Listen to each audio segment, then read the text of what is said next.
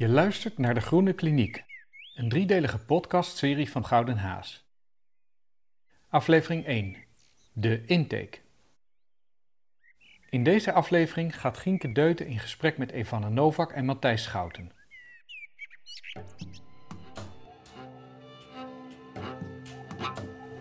Ik ben op zoek naar een gids die mij op weg kan helpen in deze verwarrende tijd. Ik ben Gienke Deuten, 44 jaar, twee kinderen, theatermaker. En een paar jaar geleden verhuisd naar een ecowijk in Almere met de beste bedoelingen. Ik behoor tot een groeiende groep mensen die weet dat klimaatproblemen in belangrijke mate door mensen worden veroorzaakt. Dat er in mijn leven nog voelbare gevolgen van klimaatverandering zullen zijn en dat gedragsverandering nodig is. En toch kom ik niet in actie, maar kruip apathisch onder een dekentje als ik het zoveelste onheilspellende klimaatrapport lees. Ik zie het niet gebeuren dat we doen wat nodig is om de temperatuur niet verder te laten stijgen dan 2 graden. Met als gevolg dat ik zelf ook weinig doe. Of niet genoeg. Tenminste, zo voelt het. Ik kijk documentaires, ik doe mijn recycling, ik geef aan goede doelen. Natuurlijk shop ik biologisch en duurzaam en alles. Maar zoals voormalig milieuactivist en nu schrijver Paul Kingsnorth ook zegt: Sustainability has become a comfort blanket for middle class people. Hij heeft de uiterste consequentie getrokken en is met zijn gezin op een zelfvoorzienende boerderij gaan wonen in the middle of nowhere. Ik voel me verdwaald in deze tijd. Alsof ik het systeem niet meer snap waarin ik leef. Moeten we niet collectief een volledig andere kant op? Maar hoe keren we om? En waarom keer ik niet om? Ik las een essay van Evanne Novak, als geestelijk verzorger afgestudeerd met een onderzoek naar apathie en klimaatverandering. Zij stelt dat onze ervaring van ecologische ontwrichting nauwelijks een plek krijgt. Het klimaatdebat gaat over feiten of over handelen, maar niet over de gevoelens en verwarring die het bij ons oproept terwijl wij ondertussen heen en weer geslingerd worden tussen ontkenning, ontreddering en alarmerende oproepen tot handelen. Evanne had het over ecologische rouw. Dat raakte me diep. Ik herkende wat ik las. Nu sta ik voor haar deur voor mijn eerste consult.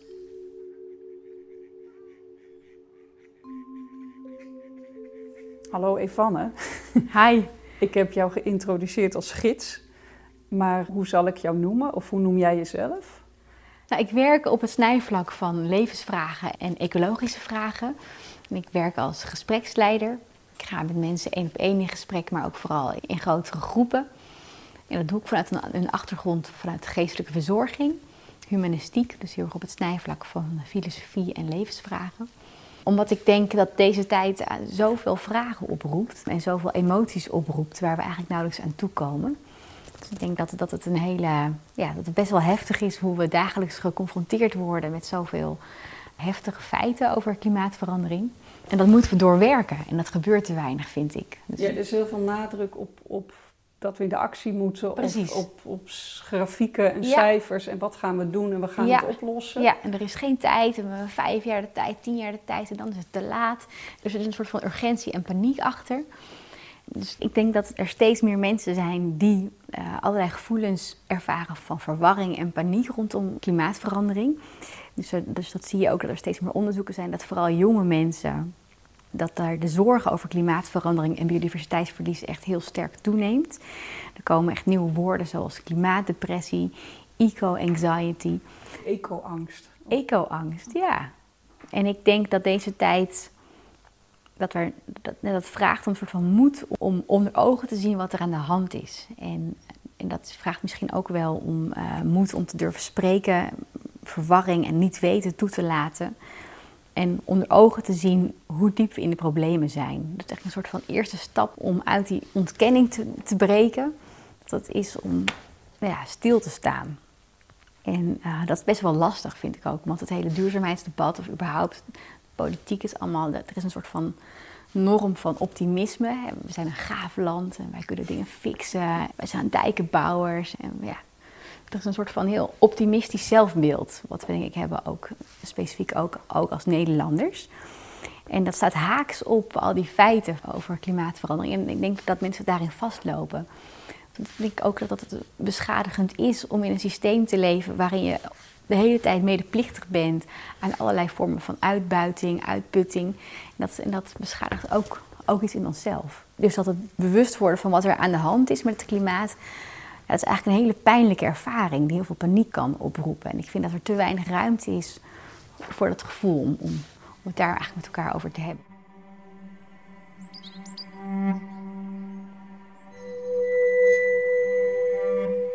Evanne noemt het een beschadigde tijd. Dat vind ik mooi. Zo had ik er nog niet naar gekeken. En dat is blijkbaar niet iets waar ik alleen last van heb. Het is groter. Het zit overal. Al pratend met Evanne kom ik op het idee om een kliniek op te richten. Een kliniek waarin wij kunnen onderzoeken wat deze tijd nodig heeft. Ik leg het idee aan haar voor.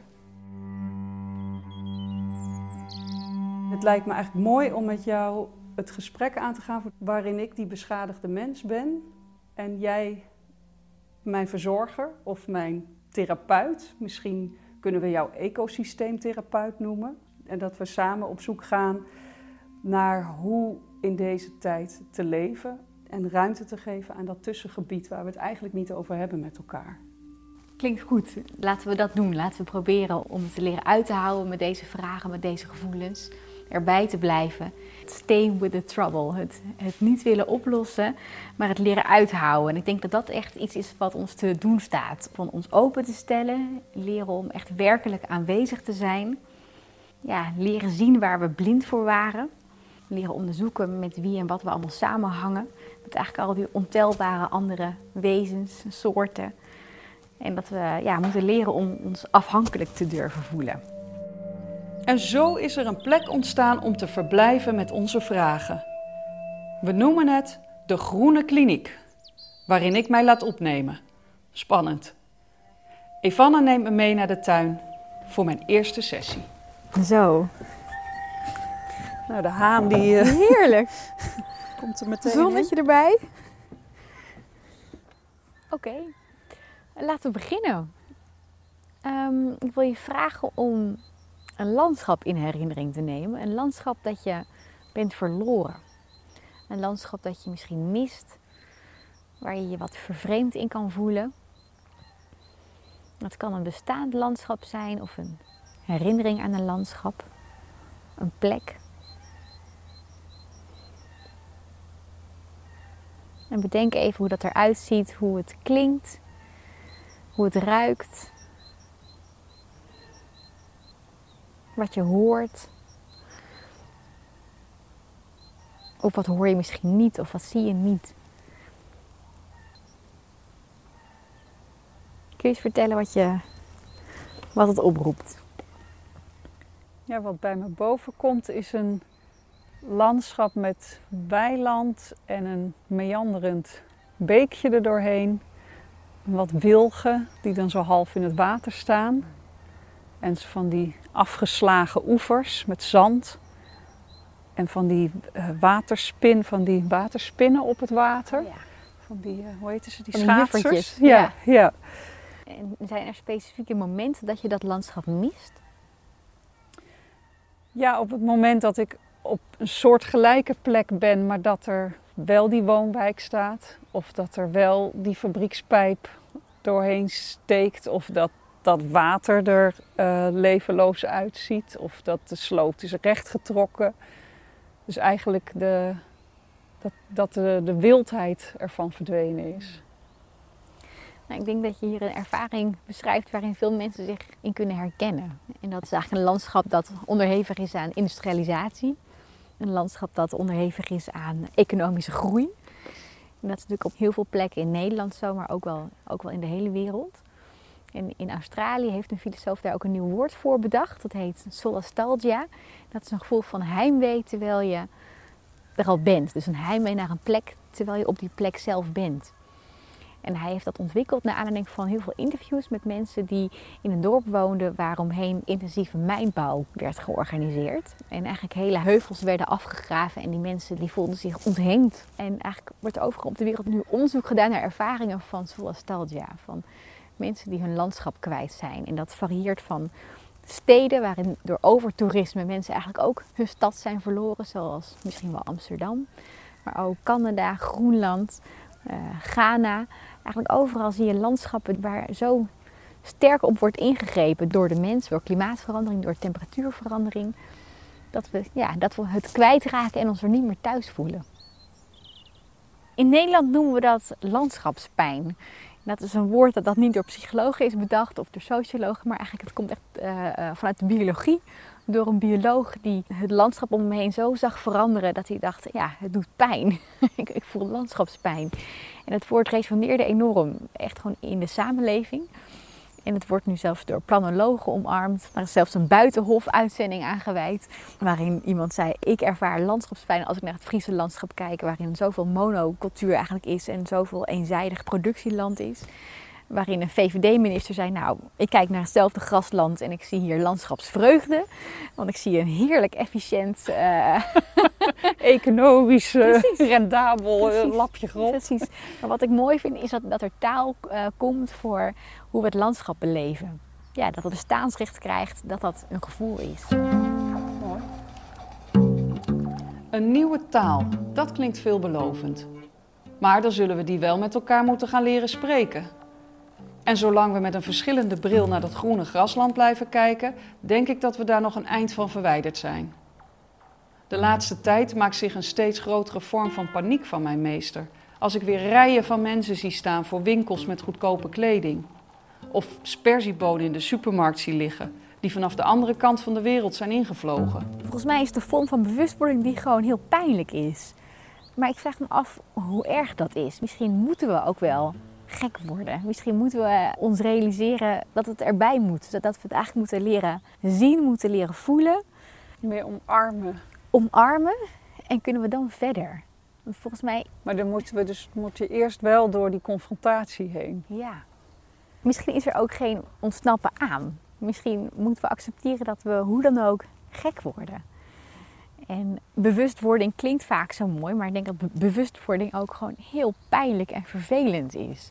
Ik denk dat we worden opgevoed met een soort van illusie dat, dat, dat alles er al is en dat, alles er, er, dat, dat, dat ook alles aan ons toe behoort. En dat, het van, dat we overal recht op hebben. En dat we ook recht hebben om ons er niet schuldig over te voelen. en, en dat we, dus ik moet gewoon de pijn in. Ja, je moet de pijn in. ja, en er zijn ook wel filosofen die ook dat op pagina 1 van hun boek zeggen van dit is gewoon het startpunt. Je wordt hoe dan ook gek. Bruno Latour zegt dat. Uh, Timothy Morton die zegt het begint bij een gevoel van afreizen, pijn, verwarring, lachwekkende absurditeit. Dat je denkt nou waar ben ik nou weer in beland? Een gevoel van depressie van ik kan hier niks aan doen. Nou, dan hou je dan een tijdje uit en misschien kom je dan toch weer bij dingen uit die wel weer mooi zijn. Dus het is een route volgens mij. En, en hoe kunnen we dat dan samen doen? Want ik voel me er zo.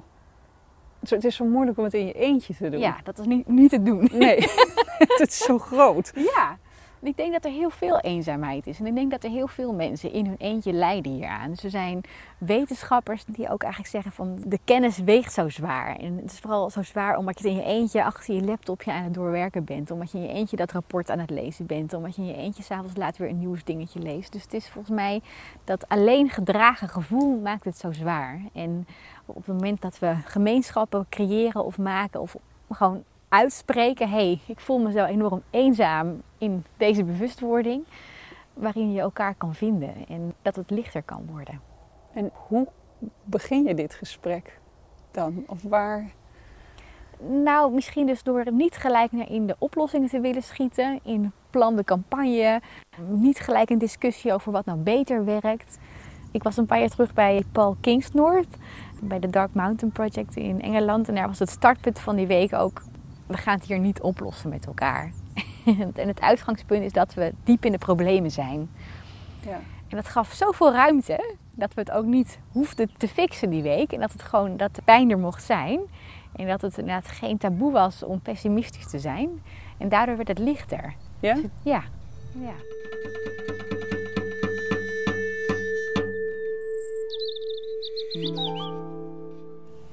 Goed, genoeg voor nu. Veel gezegd. Ik stuur jou het bos in voor een uh, wandeling. En dan maak ik ondertussen een afspraak met Matthijs Schouten. Hij is natuurfilosoof bij Staatsbosbeheer en hij is hier in de Groene Kliniek werkzaam als relatietherapeut mens-natuur. Oké, Dan zie ik je daarna. is goed. Tot dan.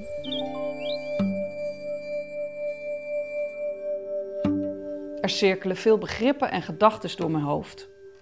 Ik merk dat ik al ruimte ervaar door de erkenning van mijn gevoelens van eenzaamheid en machteloosheid. Ik ben dus niet de enige die daar last van heeft. En er is ook taal voor de emoties en gevoelens die gepaard gaan met deze tijd. Bewustwording, daar gaat het om. Dat is de eerste stap. Ik weet alleen niet of ik wel zin heb om die pijn nog verder toe te laten, of gek wil worden, zoals Evanne het noemt. Hoe kan het dat we zo verdwaald zijn?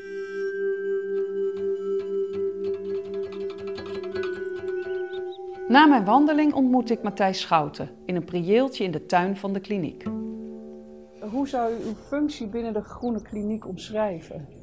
Ehm, ik eh, kijk heel erg naar relaties. En het thema van mijn, eh, van mijn werk en onderzoek en behandelpraktijk is altijd geweest van hoe verhouden natuur en mens zich met elkaar? Wat is nou eigenlijk de relatie tussen mens en natuur? En waar gaat het mis in die relatie tussen mens en natuur en hoe kunnen we dat herstellen? Dus je zou kunnen zeggen, ik ben eigenlijk een relatietherapeut.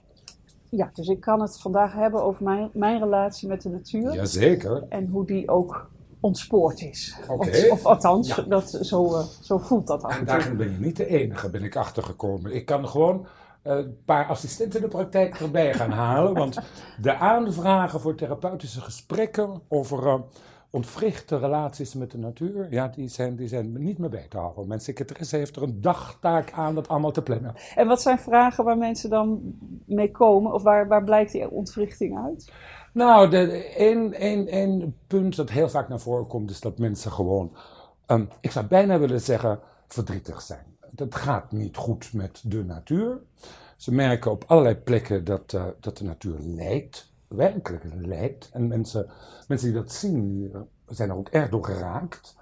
En het, misschien het meest pijnlijk is dat ze niet weten hoe ze daarmee om moeten gaan. Ze kunnen dat niet zomaar oplossen. Ze zien dat gebeuren. Ze zien, nou ja, ze zien bossen verdrogen. Ze zien allerlei plantensoorten verdwijnen. Ze zien allerlei diersoorten verdwijnen. Ze zien lelijkheid ook in de natuur. En eh, voelen zich daar machteloos tegenover. Hè? Dat, dat is iets wat ik heel veel tegenkom. En ja, daar willen mensen dan, eh, dan toch eh, over praten. En een ander punt dat heel veel voorkomt is... Mijn relatie met de natuur is vreemd geworden. Ik, ik voel een afstand. Ik weet niet meer hoe ik me moet verbinden. Ik heb het gevoel dat we zwijgend naast elkaar zitten... en elkaar niet meer bereiken. Dat is toch ook een die ik nog wel eens tegenkom. Nou, ik herken ze alle twee eh, enorm. ik merk dat ik altijd heel veel troost en rust vond in de natuur, omdat er een vanzelfsprekendheid van uitging. En iets wat veel ouder was dan ik en wat er altijd zal blijven en zijn eigen ritme heeft, waar ik op mee kan bewegen. En de laatste jaren ervaar ik dat op een andere manier, dat ik denk van nee, maar wij verstoren dat ritme. En dat komt door ons handelen. Dus die ongelooflijke oerkracht zijn wij aan het veranderen en aan het manipuleren. En dat maakt me bang. En roept nou ja, gevoelens van pijn en machteloosheid op. Is Ja. dat iets wat u herkent in Ja, de zeker, praktijk? zeker, zeker. Dit is, dit is een, eh, een lijden dat heel veel voorkomt. Er zijn natuurlijk alle mensen die het gewoon ontkennen. Hè? Die zitten dan in de Trump-wereld, in de Baudet-wereld en die zeggen dan gewoon, nou, er is niks aan de hand. Hè? Aan de andere kant heb je ook mensen die het eigenlijk wel zien, maar die dan eh, terechtkomen in wat ik zou noemen het fatalisme. Zo van, ja, nou ja, het is toch al te laat. Het gaat nooit meer goed. Het is allemaal ontspoord. Laten we nog gauw even feesten op de rand van een vulkaan. Dat is het enige wat we kunnen doen. Daarna gaan we toch naar de verdommenis. Als je die twee houdingen niet inneemt, dan kom je onherroepelijk in een existentiële crisis. Dan zie je dat die veilige relatie die je had met de wereld waar je deel van uitmaakt, hè, dat die niet meer veilig is. Het is eigenlijk net alsof je, of je, of je, alsof je een hele gelukkige relatie hebt en je ziet ineens je partner ziek worden. Vers- afstand nemen, bleker worden, stiller worden. En je komt thuis van je werk en daar kom je naar je veilige omgeving en daar zit dan je toch enigszins verontrustend, stille, zieke partner. Nou, daar raak je dus je gevoel van thuis zijn of van veiligheid kwijt. Ja. En dat ervaren heel veel mensen. En dan is de vraag, hoe treed je dat tegemoet? Want een van de grote valkuilen hier is de machteloosheid. Is zo groot dit alles. ja, wat betekent ik hier nog in? Wat kan ik hier aan doen? Hè?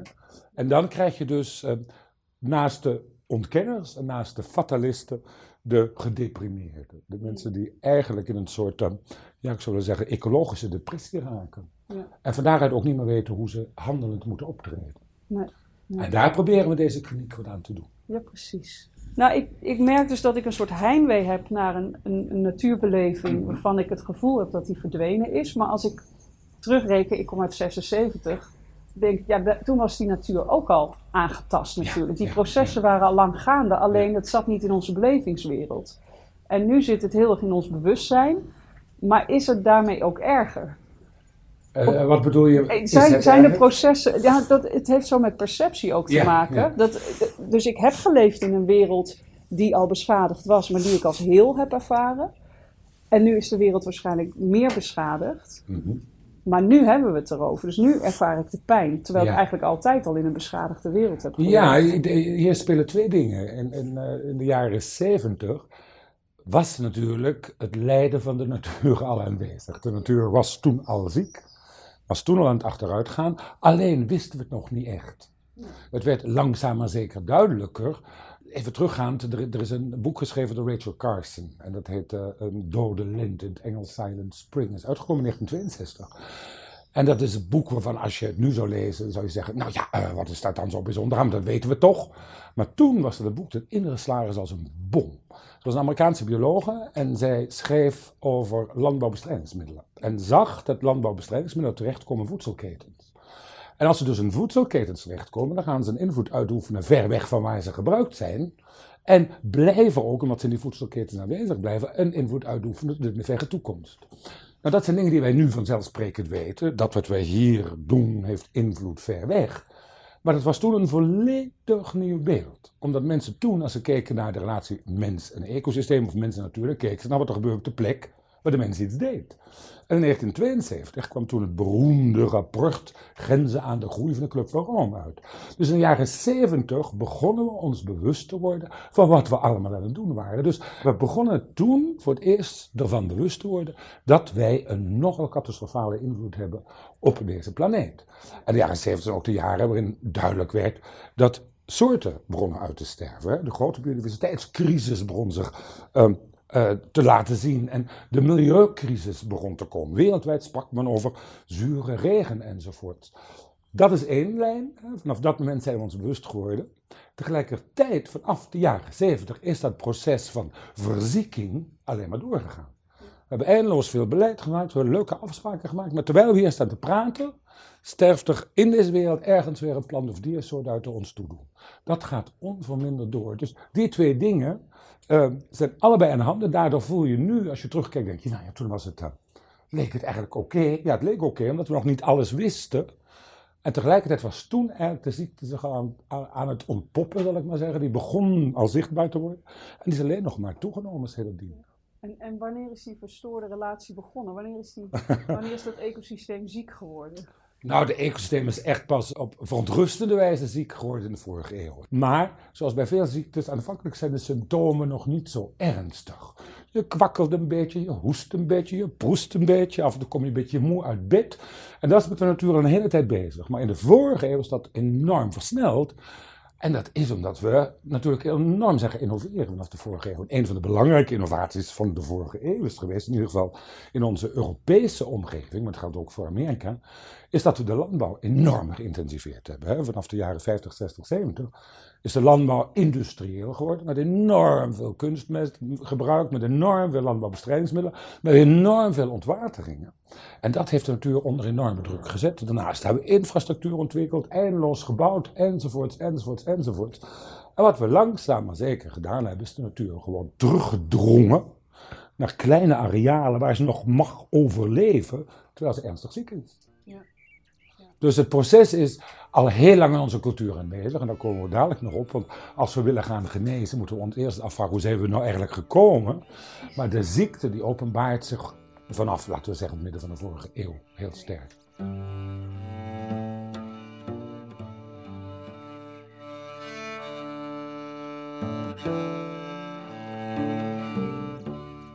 En, en welke oorzaken liggen er aan de grondslag? Er is, uh, er is een, uh, in de jaren 70 van de vorige eeuw, niet zo lang nadat het rapport van de Club van Rome verschenen is, een uh, uitspraak gekomen van een Amerikaanse politicoloog, Linton Caldwell. En die schreef iets wat mij enorm gefascineerd heeft. Ik was toen student, ik studeerde in de jaren 70 en ik las dit en ik dacht, dit, dit, dit is ongelooflijk belangrijk.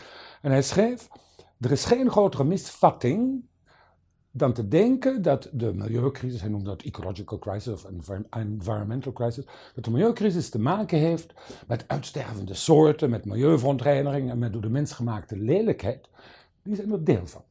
Maar voor alles is de milieucrisis een crisis van geest en ziel. Hmm. En ze heeft te maken met de vraag: wie denken wij mensen dat we zijn? En met de vraag: wie zullen we moeten worden? Om samen met alle bewoners van deze planeet te overleven. En hier komen we bij de crux van de zaak. Het gaat over, zoals ik altijd tegen mijn studenten zeg, who the hell do we think we are? Kijk, en in elke relatie die je hebt, zul je die vraag steeds weer moeten stellen. Wie ben ik in relatie tot de ander? Wie ben ik in relatie tot de natuur? Wie ben ik in relatie tot de aarde? En hier zit nu de heart of the matter, het hart van de zaak. En als je kijkt naar hoe wij in onze westerse samenleving onszelf zijn gaan zien op deze wereld, dan zit daar een hele interessante lijn in. En een verontrustende lijn, want uiteindelijk heeft die lijn ons gebracht in een relatiecrisis. Ik zal hem heel kort beschrijven. Begin in de klassieke oudheid. Het begint eigenlijk al bij Aristoteles, groot filosoof en ook een natuuronderzoeker. En wat hij heeft twee dingen gedaan, die zijn blijven resoneren. Het eerste wat hij deed is de natuur indelen en hij heeft de, keurig ingedeeld in een ladder. Eerst krijg je minerale dingen, dan krijg je lagere planten, hogere planten, lagere dieren, hogere dieren, dan krijg je de mens. Al heel interessant dit soort indelingen. Dat deden ze in niet-westerse cultuur helemaal niet zo. Dachten ze heel vaak veel horizontaler. Onmiddellijk hier heb je een verticaal systeem met bovenaan de mens. En dan zegt Aristoteles iets fascinerends. Hij zegt, nou de mens onderscheidt zich van al de rest er zijn heel veel overeenkomsten, hij beschrijft ook heel veel overeenkomsten. Bovendien zal hij zeggen, alles wat leeft en groeit en beweegt, heeft een ziel. Zelfs de aarde heeft een ziel, want de aarde draait om de as, dus dan moet ze wel, wel een wereldziel hebben die er laat draaien. Dus voor Aristoteles was de hele natuur bezield. Maar, zei er is één groot onderscheid tussen die mens en de rest. Want de mens heeft een verstand, een logos. De mens onderscheidt zich van de rest door zijn verstand. Aristoteles ontnam dus de natuur eigenlijk de reden en de redelijkheid. En dat is een heel belangrijk gegeven. Wat is dat met de reden en de redelijkheid? Nou, de reden en de redelijkheid betekent dat je dus wilsbekwaam bent en handelingsbekwaam. Kijk, als je een verstand hebt en de redelijkheid hebt, hè, en dus een mate van vrije wil, dan ben je handelingsbekwaam en dan word je een rechtspersoon. Kijk, in ons rechtssysteem zijn wij rechtspersonen als mensen, want wij hebben wil en handelingsbekwaamheid. Zelfs bedrijven kunnen rechtspersonen worden. Shell is een uh, rechtspersoon. Hè? Natuur is geen rechtspersoon. Natuur wordt gezien als geen wil te hebben en geen handelingsbekwaamheid. Dus in ons rechtssysteem is natuur absoluut rechteloos. Hier begint de ontwrichte relatie al. Je bent in een relatie waarin jij een rechtspersoon bent. En je partner heeft geen enkele rechten. Je partner is afhankelijk van, jou, van jouw goede wil van jouw generositeit. Kan verder om niks vragen, want in, de, in je huwelijkscontract heb jij alle rechten. Maar dat begint dus daar. En dan komt het christendom, ongeveer 2000 jaar lang onze westerse cultuur sterk bepaald. En het christendom begint enorm de nadruk te leggen op de eeuwige menselijke ziel. En langzaam maar zeker verdwijnt de ziel in de natuur naar de achtergrond. En dan wordt de natuur als het ware zielloos. En dan krijgen we nog die fameuze verlichtingsperiode in de 17e eeuw, hè, met, uh, met onze grote René Descartes en zijn school. En Descartes zal stellen, nou, er zijn twee substanties, stof en geest. En stof neemt ruimte in, dan kan je kleinere deeltjes delen. Geest neemt geen ruimte in, kan je niet kleinere deeltjes delen. En dan zegt hij, een hele belangrijke uitspraak, ik heb niet kunnen vaststellen dat er enige andere aanwezigheid is dan de mens die geest en materie combineert. Dat zullen zijn volgelingen gaan interpreteren van alleen de mens heeft geest en de rest is geestloos. Nou, en alles wat niet menselijk is, kijk, als dat lijkt te reageren en lijkt emoties te hebben en lijkt uh, te kunnen voelen, is allemaal schijn. De rest volgt alleen maar de wetten van de natuur en de wetten van de mechanica zit geen geest in. Nou, toen was de natuur dus ook nog de geest kwijt. En dan komt er dus een fase in het westerse denken waarin wij de enige aanwezigheden zijn met hun verstand, met hun ziel en met hun geest, omringd door redeloze, verstandloze, zielloze, geestloze dingen. En wat is de natuur dan geworden? Nou, een verzameling van dingen voor ons gebruik. Aristoteles maakt die ladder van het zijn en zegt dan: in de natuur gebeurt niks voor niks, alles heeft een functionaliteit. Hij noemt dat doelstrevendheid, alles is er om iets te verwezenlijken. Nou, de grote ladder van het zijn dient het lager het hogere. De mineralen zijn er om planten te voeden, daarom zijn ze er. Planten zijn er om dieren en mensen te voeden, daarom zijn ze er. Dieren zijn er om mensen te voeden en te helpen, daarom zijn ze er.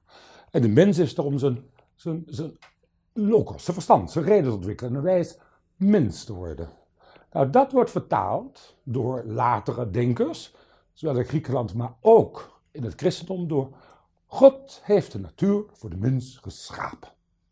En in de 17e eeuw schrijft nog een hele belangrijke Engelse wetenschapper, Henry Moore, God heeft runderen geschapen om biefstukken vers te houden voor menselijke consumptie. Nou, kijk, over ontwrichte relaties gesproken. Je hebt een partner, die ontneem je eerst het verstand, die ontneem je dan de ziel, dan de geest, en dan zeg je ook nog, nou, je bent er alleen maar om mij te dienen. Nou, haal daar maar eens een goede relatie uit. Is het dan vreemd dat de natuur is gaan leiden? Dan zou ik ook kwijnend op de bank gaan zitten. Zo gek is het dus niet dat mijn relatie met de natuur verstoord is. Het zit in mijn haarvaten en dus in het DNA van mijn westerse blik. We zullen ons denken, onze taal en onze manier van leven moeten aanpassen, willen we een wezenlijk andere relatie aangaan met de natuur. Dus wij moeten met z'n allen op de natuurbank bij de therapeut. Ja. Daarvoor ben ik hier. Ja. Wat heb ik nodig? Het eerste wat nodig is, is te erkennen dat er een probleem is. Kijk, eh, alle, alle, alle therapeutische genezingsprocessen beginnen met het vaststellen van het probleem en de diagnostiek. En het begint eigenlijk ook met het vaststellen dat je dus hulp nodig hebt.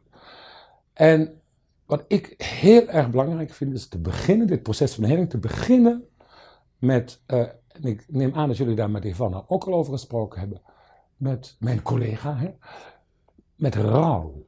Je moet beginnen met te durven aanvaarden dat wij deze wereld zeer gekwetst hebben. Dat wij ehm, ongelooflijk veel schade toegebracht hebben. Dat er door ons talloze planten en dieren uitgestorven zijn, er miljoenen jaren over gedaan om zich te ontwikkelen.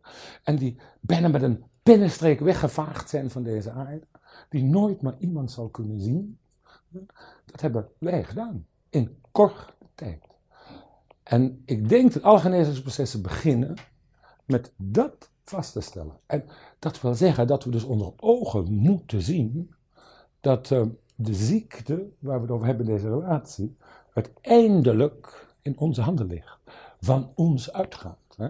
En dat rouwproces vind ik ontzettend wezenlijk. En, en hoe, wat, wat zou je mij kunnen aanreiken dat ik dat onder ogen zie? Dat. Nou ja, je begon, aan het, be- je begon in je verhaal met te vertellen hoe je, hoe je je niet meer veilig voelt. Hoe je ziet dat de natuur verandert, verarmt enzovoort. Nou, in plaats van, van um, onmiddellijk te schieten in je eigen, eigen gevoel van verontrusting of uh, niet prettig of enzovoort. Of oplossingen op te bedenken. Even stil zijn. En gewoon waar te nemen dat de natuur onder druk staat. Dat de natuur leidt. Dat ze zo weinig ruimte heeft. Stil te staan bij wat allemaal verloren gaat. Dus laat dat gewoon even binnenkomen. We hebben echt de neiging dat, dat niet te willen zien. Dat, dat naar de periferie, hè, de, de rand van, van, van het beeld te schuiven. Nee, ga er volop in. De natuur lijdt. De natuur is ziek. De natuur heeft grote problemen. En wij hebben dat veroorzaakt. Nou, durf dat maar eens te aanvaarden. En ik zou zeggen, en elke luisteraar, nou doe dat eens een week lang. Elke dag twee minuten stilte voor alles wat wij vernietigd hebben aan leven op deze planeet. Kijken wat er na een week gebeurt. Dan kunnen we het helingsproces ingaan.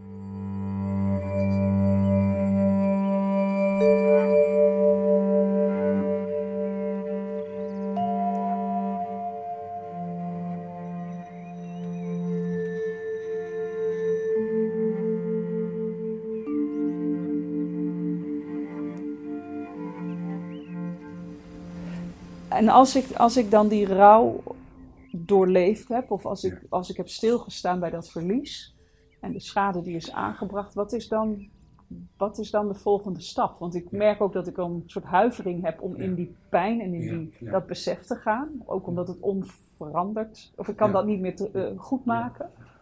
Wat, wat is dan de volgende stap? Nou, toch een soort heling of... Ja. En hier begint het. Hoe geven we die natuurmondigheid naast onszelf? Hoe krijgen we een evenwaardige relatie? En hier is iets fascinerends aan de hand. Dat is in alle andere culturen vanzelfsprekend. Ik, eh, ik reisde ooit door, in Azië met vrienden en, en onze auto ging kapot. En, eh, toen moesten we heel lang bij het benzinestationnetje wachten, want, want eh, een andere auto moest komen ophalen. Deze kronkelde er een slang over de weg. En de pomphouder, die ons voortdurend thee en koffie kwam brengen, vond ons heel zielig, zag die slang, rende weg, greep een grote stok. En ik dacht, hij gaat de slang doodslaan, hè? heel westers. Nee, nee, hij gebruikte die stok om de slang in de bosjes te zitten. Die kwam heel tevreden terug, zo, daar rijdt dan geen auto meer over. Kijk, voor deze man was die slang wat de Ojibwa Native Americans in hun taal noemden, een andere dan mensenpersoon. Het woord voor dieren in het Ojibwaans, als je dat letterlijk vertaalt, is andere dan mensenpersonen. Kijk, dat dieren geen mensen zijn, ze ik Ojibwaan ook wel. Maar het zijn geen dingen.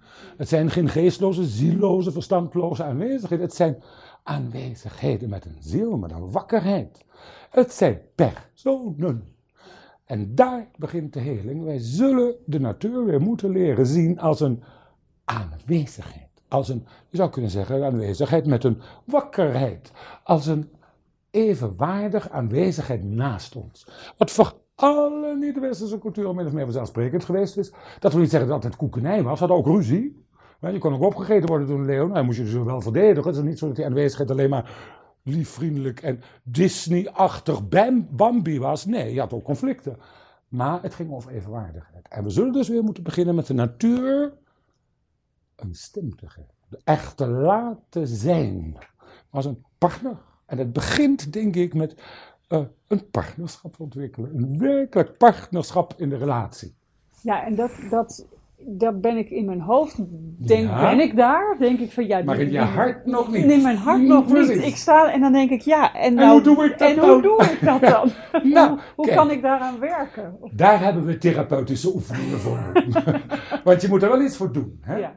Ehm, je moet weer naar je hart. Kijk, als jij verliefd bent en ik vraag jou dan, beschrijf me je geliefde. En dan zeg je, nee, mijn geliefde is van het vrouwelijke geslacht of van het mannelijke geslacht. is 1,78 meter of 1,76 meter. Weegt 65 kilo, hartslag de rust tot 62, bloeddruk 110 over 90. Nou ja, zo kan je je geliefde beschrijven. Maar als je dat doet, is je verliefdheid al lang voorbij. Kijk, als je echt verliefd bent, zeg je, nou, als mijn geliefde glimlacht. Hier beschrijf je een betekenisvolle relatie, een wederkerigheid. Iets wat diep in je hele systeem, in je gevoel, je emotie, intuïtie, je verstand, in alles wat je mens maakt, ervaren wordt. Een betekenisvolle relatie. We moeten weer verliefd worden op een nachtegaal die we horen. We moeten weer ontroerd zijn als we een bloem open zien gaan. Dus daar begint voor mij het herstel. Uit het hoofd te stappen. Ik heb niks tegen het hoofd, ik ben wetenschapper. Fantastisch instrument. Maar je moet af en toe toch ook even naar de ziel en het hart. En dat moet je weer leren, want dat zijn we ontleerd. En daar heb ik dan een serie oefeningen voor. Da- kom maar op. Nou, oefening 1. Raad ik al mijn cliënten aan. Neem, ja, ik zou willen zeggen een kwartier per dag, als dat lukt. Voor veel mensen is te lang, nou dan in ieder geval toch 10 minuten of tenminste 5 minuten. En kijk dan naar iets wat niet door de mens gemaakt is. Zoek iets uit in je omgeving wat niet door de mens gemaakt is. Dat kan een boom zijn, een plant, dat kan een stukje aarde zijn, wat water, een dier, whatever. En kijk ernaar, en nu komt het belangrijke, zonder iets in te vullen. Benoem het niet. Interpreteer het niet. Zonder enige benoeming, zonder enige verwachtingen, zonder enige interpretaties. Kijk alsof je het nooit eerder gezien hebt. En blijf zo kijken. Ik kan je verzekeren dat zich dingen gaan onthullen. Daarmee begint het. Dat is punt 1. Het tweede wat ik zou willen aanbevelen, luister naar je verhalen. Hoe praat je over je partner? Ik was een paar jaar geleden op Springtij, het grote festival op, Terschelling over duurzaamheid. En ik zat bij eindeloos veel bijeenkomsten en lezingen. En ik hoorde voortdurend mensen zeggen, we moeten de natuur meer inzetten voor de koolstofvastlegging. Ja, ja goed, het is natuurlijk heel wezenlijk en belangrijk. Maar ik hoorde het weer en weer en weer. En het trof mij, omdat ik net uit Ierland gekomen was. In Ierland had ik met een oude boer, die midden in een fantastisch landschap woont, vol wilde planten en dieren. En die heel voorzichtig daarmee omgaat, over zijn land wandelde. En die boer bleef ineens staan, midden in, in, in een wei. En toen keek hij naar een groep rotsen die daar zo uit, uit, uit omhoog staken. En toen zei hij, Don't the rocks display themselves beautifully today? Laten de rotsen zich vandaag niet prachtig zien. Dadelijk, hoe anders is dat dan? We moeten de natuur meer inzetten voor de koolstofvastlegging. Kijk, in hoe je over je partner praat, laat je relatie zien. Ik vind het ook mooi om te horen door erover te praten als mijn partner. Kan je kan je, je meteen verbinden. Ja, dus is ja. het niet meer iets groots en onbevattelijks Nee, nee, nee, overal nee, om je heen, nee. maar daar heb je gewoon een heel direct Ja, contact mee waar je dagelijks mee te maken hebt, waar, waar je hem toe kan verhouden. En daar begint dus ook het genezingsproces. Als je op deze manier gesprekken gaat voeren waarin de natuur aanwezig is en een stem heeft, gebeuren er wonderlijke dingen. Daar kan ik eh, mee vooruit. ik wil u heel erg bedanken voor deze sessie. Heel graag gedaan. En hebben jullie het gehoord? De natuur is steeds aanwezig geweest. De merel heeft dat hele gesprek meegezongen. Dat vind ik dus prachtig. Die zit dus niet, hier zit de natuur niet stil op de bank. Hier is de natuur een deel van het helingsproces. Oren open Oren open. en ogen open. Ja, Dank u wel. graag gedaan.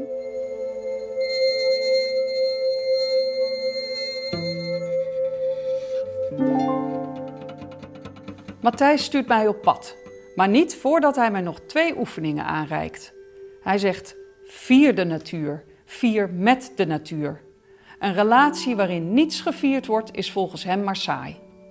En als laatste, ga een gesprek aan met vrienden, waarin jij als mens vertegenwoordigd bent en zij als rechteloze, zieloze, gevoelloze natuur. En kijk dan eens wat er gebeurt. Straks heb ik nog een afspraak met Evanne, maar eerst ga ik de kijkoefening van Matthijs doen. Ik kies een appelboom uit in de tuin van de Groene Kliniek. Welkom terug. Dankjewel. Je bent lekker gewandeld volgens mij. En waar heb je naar gekeken? Ik heb gekeken naar een, eh, een appelboom en, eh, en daar, ben ik, eh, daar ben ik onder gaan zitten. En wat, en wat gebeurde er toen? Ja, je geeft je eigenlijk over aan de beweging van de boom. Of dat, dus dus, je, de, dus de, de bladeren bewegen en door je focus ergens anders te leggen. Ja, wat er gebeurde is dat ik me in de boom ging verplaatsen. En even mezelf vergat. Jouw menselijke omhulsel of jouw menselijk perspectief. Ja, ja, dus het is een soort verbinding aangaan. Met, Mooi. met de blaadjes en met de, met, de, met de kringeltjes op de stam. En, eh, dus je, je gaat ook anders kijken, niet naar de boom als geheel, maar je, alsof je naar de details gaat kijken van de boom.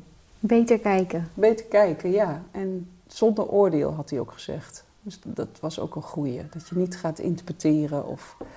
Maar gewoon kijken van, hé, hoe, loopt, hoe loopt die bast en hoe lopen die, Ja. waar hangen die blaadjes? En, eh, Ik vind het echt een heel mooi voorbeeld wat je geeft over die, over die appelboom. En hoe jij, nou, ja, ik zie je zitten onder die appelboom te kijken, tijd te verstrijken. En ik denk dat dat eigenlijk ook is wat die groene kliniek hier is. Een soort van tussenruimte waarin alles mag bestaan wat is. En waarin we gewoon kijken. Heel zorgvuldig kijken en voelen. Dus wie, wie ben ik en hoe ervaar ik de wereld om me heen? En zonder daar gelijk een stappenplan op te willen plakken. Een minuutje met oplossingen. Eerst maar eens voelen. Voelen gewoon ja, de wanhoop, de verwarring, somberheid, pessimisme. Het mag er echt allemaal even zijn. ja. Ja. Ja, ja daar, eh, daar heb ik ook wel behoefte aan, ja. Ja? Dat, dat mag, ja, dat dat, dat dat mag bestaan. Of het, het, je wil daar zo graag overheen stappen. Hmm. En, al, eh, en al weer door naar een Ja. perspectief. Of eh, zo gaan we het doen. Of dit Ja. moet er gebeuren. Ja. Terwijl er eigenlijk een soort bak aan ongerichte Ja. Emoties en, eh, en gedachten onder liggen. Ja. En ik denk dus ook dat die, dat, dat die emoties heel waardevol zijn. Emoties hebben ook een morele component. Dus iets wat verdriet oplevert of verwarring of woede, dat betekent dat er iets in het geding is, op, op het spel staat, wat, dat, er, dat er een waarde in de knel komt.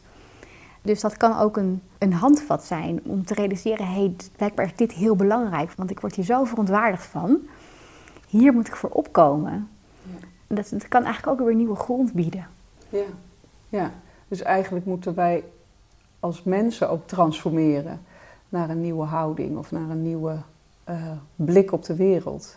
Ja, en ik denk eigenlijk dat alles er al is. Dat we ergens helemaal geen hele grote nieuwe radicale ideeën nodig hebben. Maar dat, dat als je gewoon stilstaat en eens voelt van hé, hey, hoe, hoe ervaar ik deze wereld?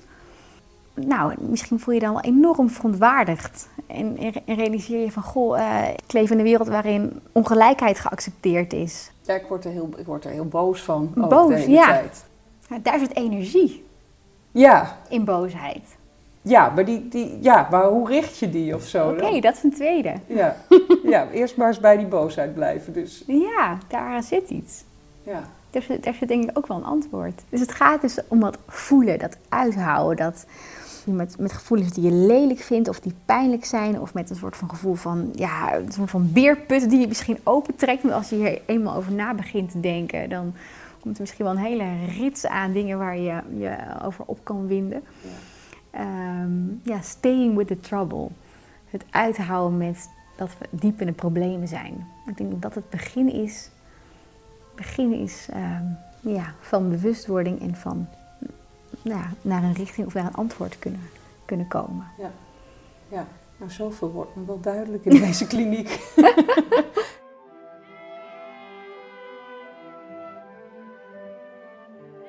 Volgens mij heb je heel veel om mee aan de slag te gaan ja, ik schrijf je dan ook echt voor, hou het uit. Stay with the trouble. In ieder geval tot aan onze volgende sessie. Dat is goed. Ja, en dan in die volgende sessie, uh, daar komen meer mensen die je met nieuwe perspectieven kunnen brengen. En dat is dus onder andere ecosystemisch werker Chihiro Geuzenbroek. En ombudsman voor toekomstige generaties Jan van de Venus. Ik ben benieuwd. Ja. Kijk er naar uit. Succes. En tot die tijd blijf ik in de trouble.